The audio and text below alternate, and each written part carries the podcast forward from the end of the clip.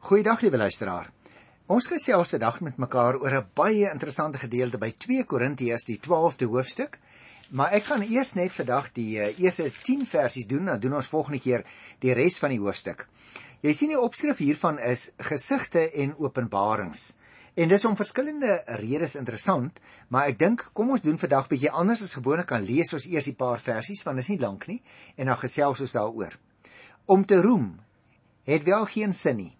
Maar terwyl dit dan nou moet, kom ek by gesigte en openbarings wat die Here gegee het. Ek ken 'n man wat aan Christus behoort. 14 jaar gelede is hy weggeruk tot die derde hemel. Of dit met die liggaam was of sonder die liggaam, weet ek nie. Net God weet dit. Ek weet ook dat hierdie man weggerig is na die paradys toe. Of dit met die liggaam was of sonder die liggaam, weet ek nie. Net God weet dit. Daar het hy woorde gehoor wat 'n mens nie kan of mag uitspreek nie. Oor hierdie man sal ek roem, maar nie oor myself nie, behalwe oor my swakhede. Al sou ek wil roem, sal ek tog nie dwaas wees nie, omdat ek die waarheid sal praat, maar ek weerhou my daarvan omdat ek nie wil hê dat iemand aan my meer moet toeskryf as wat hy my sien doen het of hoor sê het nie. Selfs nie vanweë die verhewenheid van die openbarings nie. Daarom sodat ek nie hoogmoedig sou wees nie, is daar vir my 'n doring in die vlees gegee, 'n boodskapper van Satan om my met die vuiste te slaan. 3 maal het ek die Here gebid dat dit van my af weggeneem word. Sy antwoord was: "My genade is vir jou genoeg. My krag kom juis tot volle werking wanneer jy swak is. Daarom sal ek baie liewer oor my swakhede roem, sodat die krag van Christus my beskutting kan wees." Daarom is ek bly oor swakhede, beledigings, ontberings, vervolging en moeilikhede ter wille van Christus, want as ek swak is, is ek sterk. Nou, liewe luisteraar, ek gaan nou nou weer verwys na sekere van daardie versies, maar ek wil nou eers 'n bietjie in die algemeen gesels hieroor, want uh, ek dink dit is vir jou duidelik, jy sal my saamstem, dit gaan hier oor een of ander baie besonderse ervaring of gebeurtenis wat Paulus beleef het maar nou laat hy hom nie veel daaroor uit nie. Paulus gaan verder nadat hy nou in die voorafgaande gedeelte gepraat het oor die verwaandheid en die geestelike verwaandheid ook van die dwaalleraars wat hulle self ook bevoordeel het uit geld wat hulle ontvang het van die gemeentelede terwyl hy self verniet vir hulle gewerk het. Nou gaan hy verder hier in 2 Korinte van die 12de hoofstuk af van die eerste vers af deur dinge op te noem waaroor hy sou kon roem as hy sou wou. En nou vertel hy byvoorbeeld hier van 'n baie besonderse gebeurtenis waarin hy die hoofrol gespeel het nogal. Dit het 14 jaar gelede gebeur sê hy toe 'n man wat aan Christus behoort het weggeruk is tot in die derde hemel. Nou liewe luisteraar, Paulus weet nie of dit met die liggaam of sonder die liggaam was nie. Net God weet dit. Daar het hierdie man Nou, hy praat van homself hoor, maar hy is so bang dat hy op die voorgrond mag kom dat hy nie sy eie naam gebruik of na ek verwys nie. Hy praat van hierdie man. En hy sê nou daar, nadat hierdie persoon uh hierdie besondere ervaring gehad het, het hy woorde gehoor wat 'n mens nie kan of mag uitspreek nie. Ag, is Paulus nie wonderlik beskeie in die luisteraars? Hy praat van die gebeure en van homself in die derde persoon oor hierdie man soos hy homself nou noem wil hy roem maar nie oor homself nie hy sou nog baie meer oor hierdie openbaring kon vertel so skryf hy. Maar hy weerhou hom daarvan omdat hy nie wil hê mense moet meer maak van hom wat Paulus is as wat hulle sien en hoor nie. Hulle moet hom so sien en dink en vir mekaar sê maar hy's eintlik 'n doodgewone ou hierdie. Al gaan dit ook oor 'n baie verhewe openbaring van God. Ek wil 'n opmerkingie maak oor hierdie uitdrukking dat hy weggeruk is tot in die derde hemel wat ons nou net gelees het. Jy sien Paulus praat van 'n besondere gebeurtenis wat hy 14 jaar van tevore belewe het. Nou luisteraar, indien ons aanvaar dat hy hierdie brief in ongeveer die jaar so tussen 56 en miskien 58 na Christus geskryf het, moes die gebeurtenis dus min of meer tussen die jaar 42 en 45 na Christus plaasgevind het. Hiervan lees ons ongelukkig nêrens enige iets nie.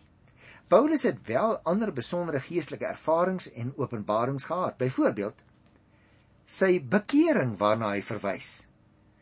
Dit uh, sal jy kry in 1 Korintiërs 15 vers 8 en ook in Galasiërs 1 vers 11 tot 16 waar hy na sy bekering verwys, maar elke keer as jy dit gaan lees, sal jy ook agterkom dit word vertel op 'n manier waarop die Here al die eer kry en waarin die lig glad nie val op hom wat Paulus is nie. Hy vertel byvoorbeeld ook van die openbaring dat hy Jerusalem toe moes gaan om die toelating van die Christene uit die nie-Jodendom daar te gaan verdedig. As jy wil dit eh, die verwysing het, dit staan in Galasiërs 2 by die tweede vers.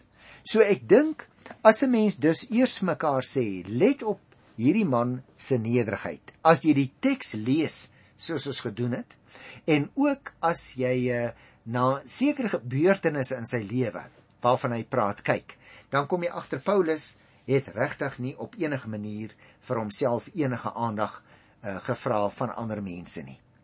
Nou, ek wil ook nog so bietjie uh, met jou in die algemeen gesels voordat ek net enkele van die verse gaan uitlig. Want jy sien liewe luisteraar, hierdie hele ding van gesigte en openbarings soos dit genoem word, kry in ons 'n uh, eh, lewe ook so van tyd tot tyd bietjie aandag en ek wil maar sê dit was deur al die eeue so dat mense juis hierdie ek wil amper sê buitengewone soort ervarings wat Bybelfigure gehad het verhef het tot die norm asof dit noodwendig met jou en met, my ook moet gebeur. So kom ons praat so 'n bietjie nou oor hierdie visioene en openbarings. Want daar is deesdae verskillende individue en ook groepe wat voortdurend aanspraak maak op visioene en openbarings en op gesigte wat hulle sou gesien het. Veral jong mense het een of ander tyd hierdie aanvoeling dat dit ook die soort van ervaring is waarna hulle graag wil luister en wat hulle graag wil meemaak en as dit nie met hulle self gebeur nie dan kyk hulle op die televisie na sekere programme waar uh die aanbieder byvoorbeeld uh kontak maak met mense in die hiernamaals. Anders kyk mense uh na kasetbande ons het ook heelwat publikasies in ons tyd wat gebruik word vir plekke waar mense briewe skryf en sê ek het sulke ervarings gehad. En uh, dan by by jou en by my miskien wat hierdie dinge nie belewe nie, is daar gewoonlik ten minste een van twee reaksies aan weer, weerskante toe. Aan die een kant is ons so skepties dat ons niks wil glo nie. En miskien wil ek ook dadelik sê met baie goeie redes maar so skepties dat ons doodgewoon nie aan enige van hierdie dinge ons hoegenaamd steur nie. Dis die een uiterste. Die ander uiterste is dit. Soms voel ons tog ook so 'n bietjie onrustig. Sê net maar, sê net maar net. Dit was regtig 'n visioen of 'n openbaring wat van die Here kom.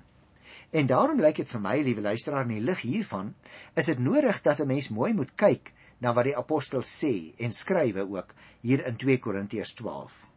Maar jy sien in hierdie hoofstuk vertel Paulus ook van openbarings en gesigte, noem dit wat jy wil, visioene, miskien in ons tyd is 'n baie uh, eie tydse tyd om die waarheid te sê.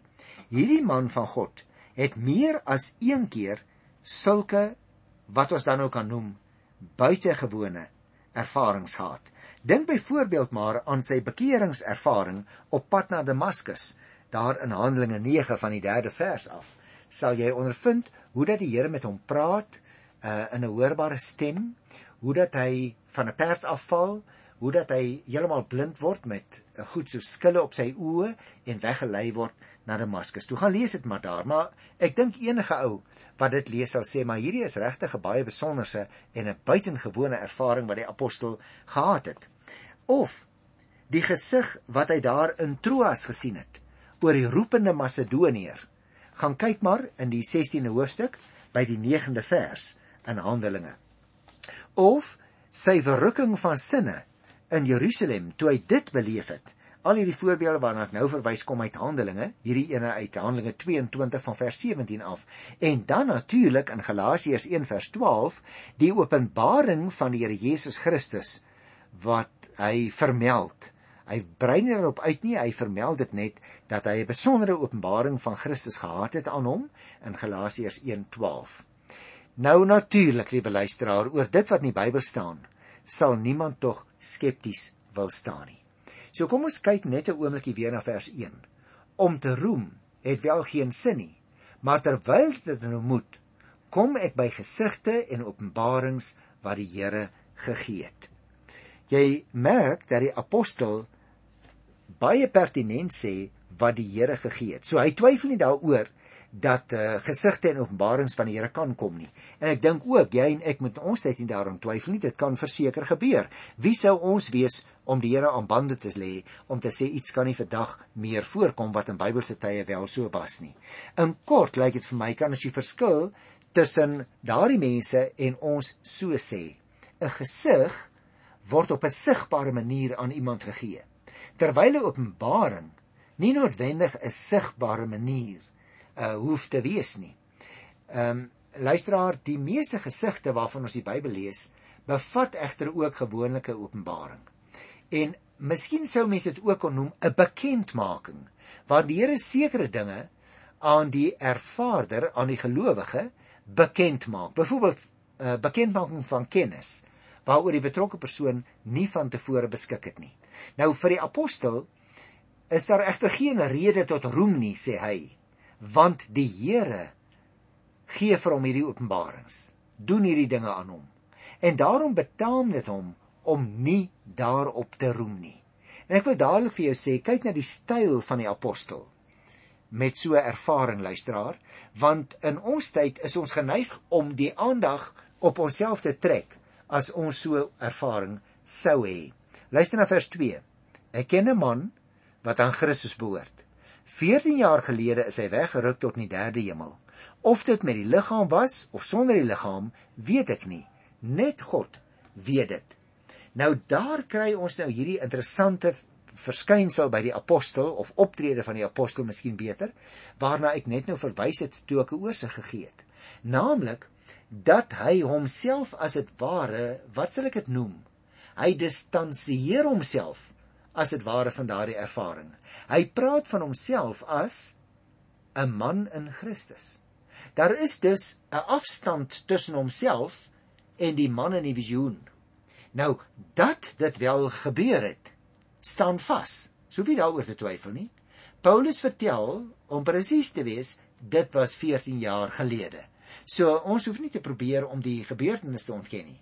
Paulus onthou dit van die ontvinding het 'n ontsettende indruk op hierdie godsman gemaak. Heel waarskynlik lyk dit vir my het dit kort voor die aanvang van sy sendingreise gebeur. Hom versterk, hom opnuut van sy uh, roeping verseker vir die taak wat nou op hom gelê het. Maar luister al let nou op, presies hoe dit gebeur het. Kan selfs Paulus nie verklaar nie. Dat dit gebeur het, ontken hy nie. Maar hoe dit gebeur het, kan hy ook nie verklaar nie. Hy sê doodgewoon, ek weet nie. Al wat hy in die verband weet, is dat hy 'n ervaring gehad het dat hy weggeruk is tot in die derde hemel. Daarom sê hy, of dit nou regtig fisies so was, dit weet ek nie. Ek wil dadelik sê luisteraar, volgens die Joodse voorstelling was daar sewe hemele. En die derde hemel was dan gesien as die plek waar God sou woon. Nou kom ons by 'n ander interessante en belangrike uitdrukking in vers 4. Ek lees dit weer vir jou. Ek lees maar vers 3 en 4 te gelyk. Hy sê ek weet ook dat hierdie man weggeruk is na die paradys toe. En weer eens sê hy of dit met die liggaam was of sonder die liggaam weet ek nie. Net God weet dit. Daar het hy woorde gehoor wat 'n man nie kan of mag uitspreek nie. Hy verwys nou hier in die 4de vers na die paradys. Nou as ons nou kyk na Lukas hoofstuk 23 daar van die 43ste vers af sê jy sien, die plek word gesien as die plek waarheen Christus ook na sy sterwe gegaan het. Dit wil sê die plek vir mense die plek van hoogste saligheid. Daar was ook ander lewende wesens daar. Want Paulus het daar woorde gehoor, sê ons teks. Paulus mag die inhoud van dit wat gesê is egter nie bekend maak nie. Let weer keer op dat hy gehoor het is waar. Wat hy gehoor het is 'n geheim. Ook wat hy gesien het is 'n geheim. Dit word nie aan ons meegedeel nie. Wat hierdie besondere ondervinding en die inhoud daarvan betref dus, liewe luisteraar, was Paulus dus bo alle ander Christene bevoorreg. Maar hy blaker dit nie uit nie. Dit is so anders as in party populêre tydskrifte nê, dat 'n ou vir jou sê ek het 'n ervaring gehad, 'n geestelike ervaring, uh, ek is weggeruk na die ewigheid. En dan blaker die ou alles uit wat hy gesê het. Dit is nakies wil ek net vir jou sê, rym nie met die styl van optrede wat ons in die Bybel kry nie. Maar let nou op. As ons Paulus nou so bietjie op 'n voetstuk wil plaas en sê wat 'n wonderlike Christen is hy tog. Dan ruk hy ons onmiddellik terug grond toe. Luister wat sê in vers 5. Oor hierdie man sal ek roem, maar nie oor myself nie, behalwe in my swakhede. Hy wys dus na die man in die visioen die Paulus aan wie God in 'n buitengewone ervaring dinge gegee het om te hoor en om te laat beleef en dan sê hy oor so 'n man sal ek roem maar let op dadelik wys hy ook die ou Paulus wat almal ken en soos wat almal hom sien hy wys die mense op homself en dan sê hy oor myself sal ek nie roem nie Want jy sien liewe luisteraar, die Paulus wat voor die Korintiërs staan, is vol swakhede, besig om gelykvormig te word aan die gekruisigde Christus. En so 'n mens se enigste roem lê in sy swakhede. Ag Korintiërs, so hoor ek hom as dit ware sê in hierdie gedeelte, oor my het julle geen rede tot roem nie. Ek wil nie in die kalklig staan nie, sê die apostel. Let dus op. Nie dat die apostel geen rede gehad het om te roem as hy sou wou roem nie, né? Vers 6a verwys weer 'n keertjie na die ander Paulus in die visioen. Kom ek lees dit weer vir jou. Hy sê: "Al sou ek wil roem, sal ek tog nie dwaas wees nie, omdat ek die waarheid praat." Met ander woorde hy sê, ek sou vir julle kon sê, en 'n klomp detail kon noem en ek sou kon sê hoe wonderlik was dit en wonder hoekom het die Here my nou gekies? Is hy iets besonders aan my? Maar hy sê nee, dit sal ek nie doen nie. Hy beklemtoon weer 'n keer eerder die gewone Paulus, as ek dit so mag uitdruk, wat almal ken, hier in vers 6b. Hy sê: "Maar ek weerhou my daarvan omdat ek nie wil hê dat iemand aan my meer moet toeskryf as wat hy my sien doen of my hoor sê nie. Is dit nie wonderlike woorde nie? Sy gesag as apostel is nie geleë in sy buitensporige ondervinding nie, né? Dit maak hom ook nie 'n besonderse mens nie. Nee. Nee, Paulus is as apostel 'n doodgewone mens. Hy is die apostel wat almal ken. Hy wil nie in die kalklig kom nie. Dan die 7de vers. Selfs nie vanweë die verhewenheid van die openbarings nie. Daarom sodat ek nie hoogmoedig sou wees nie.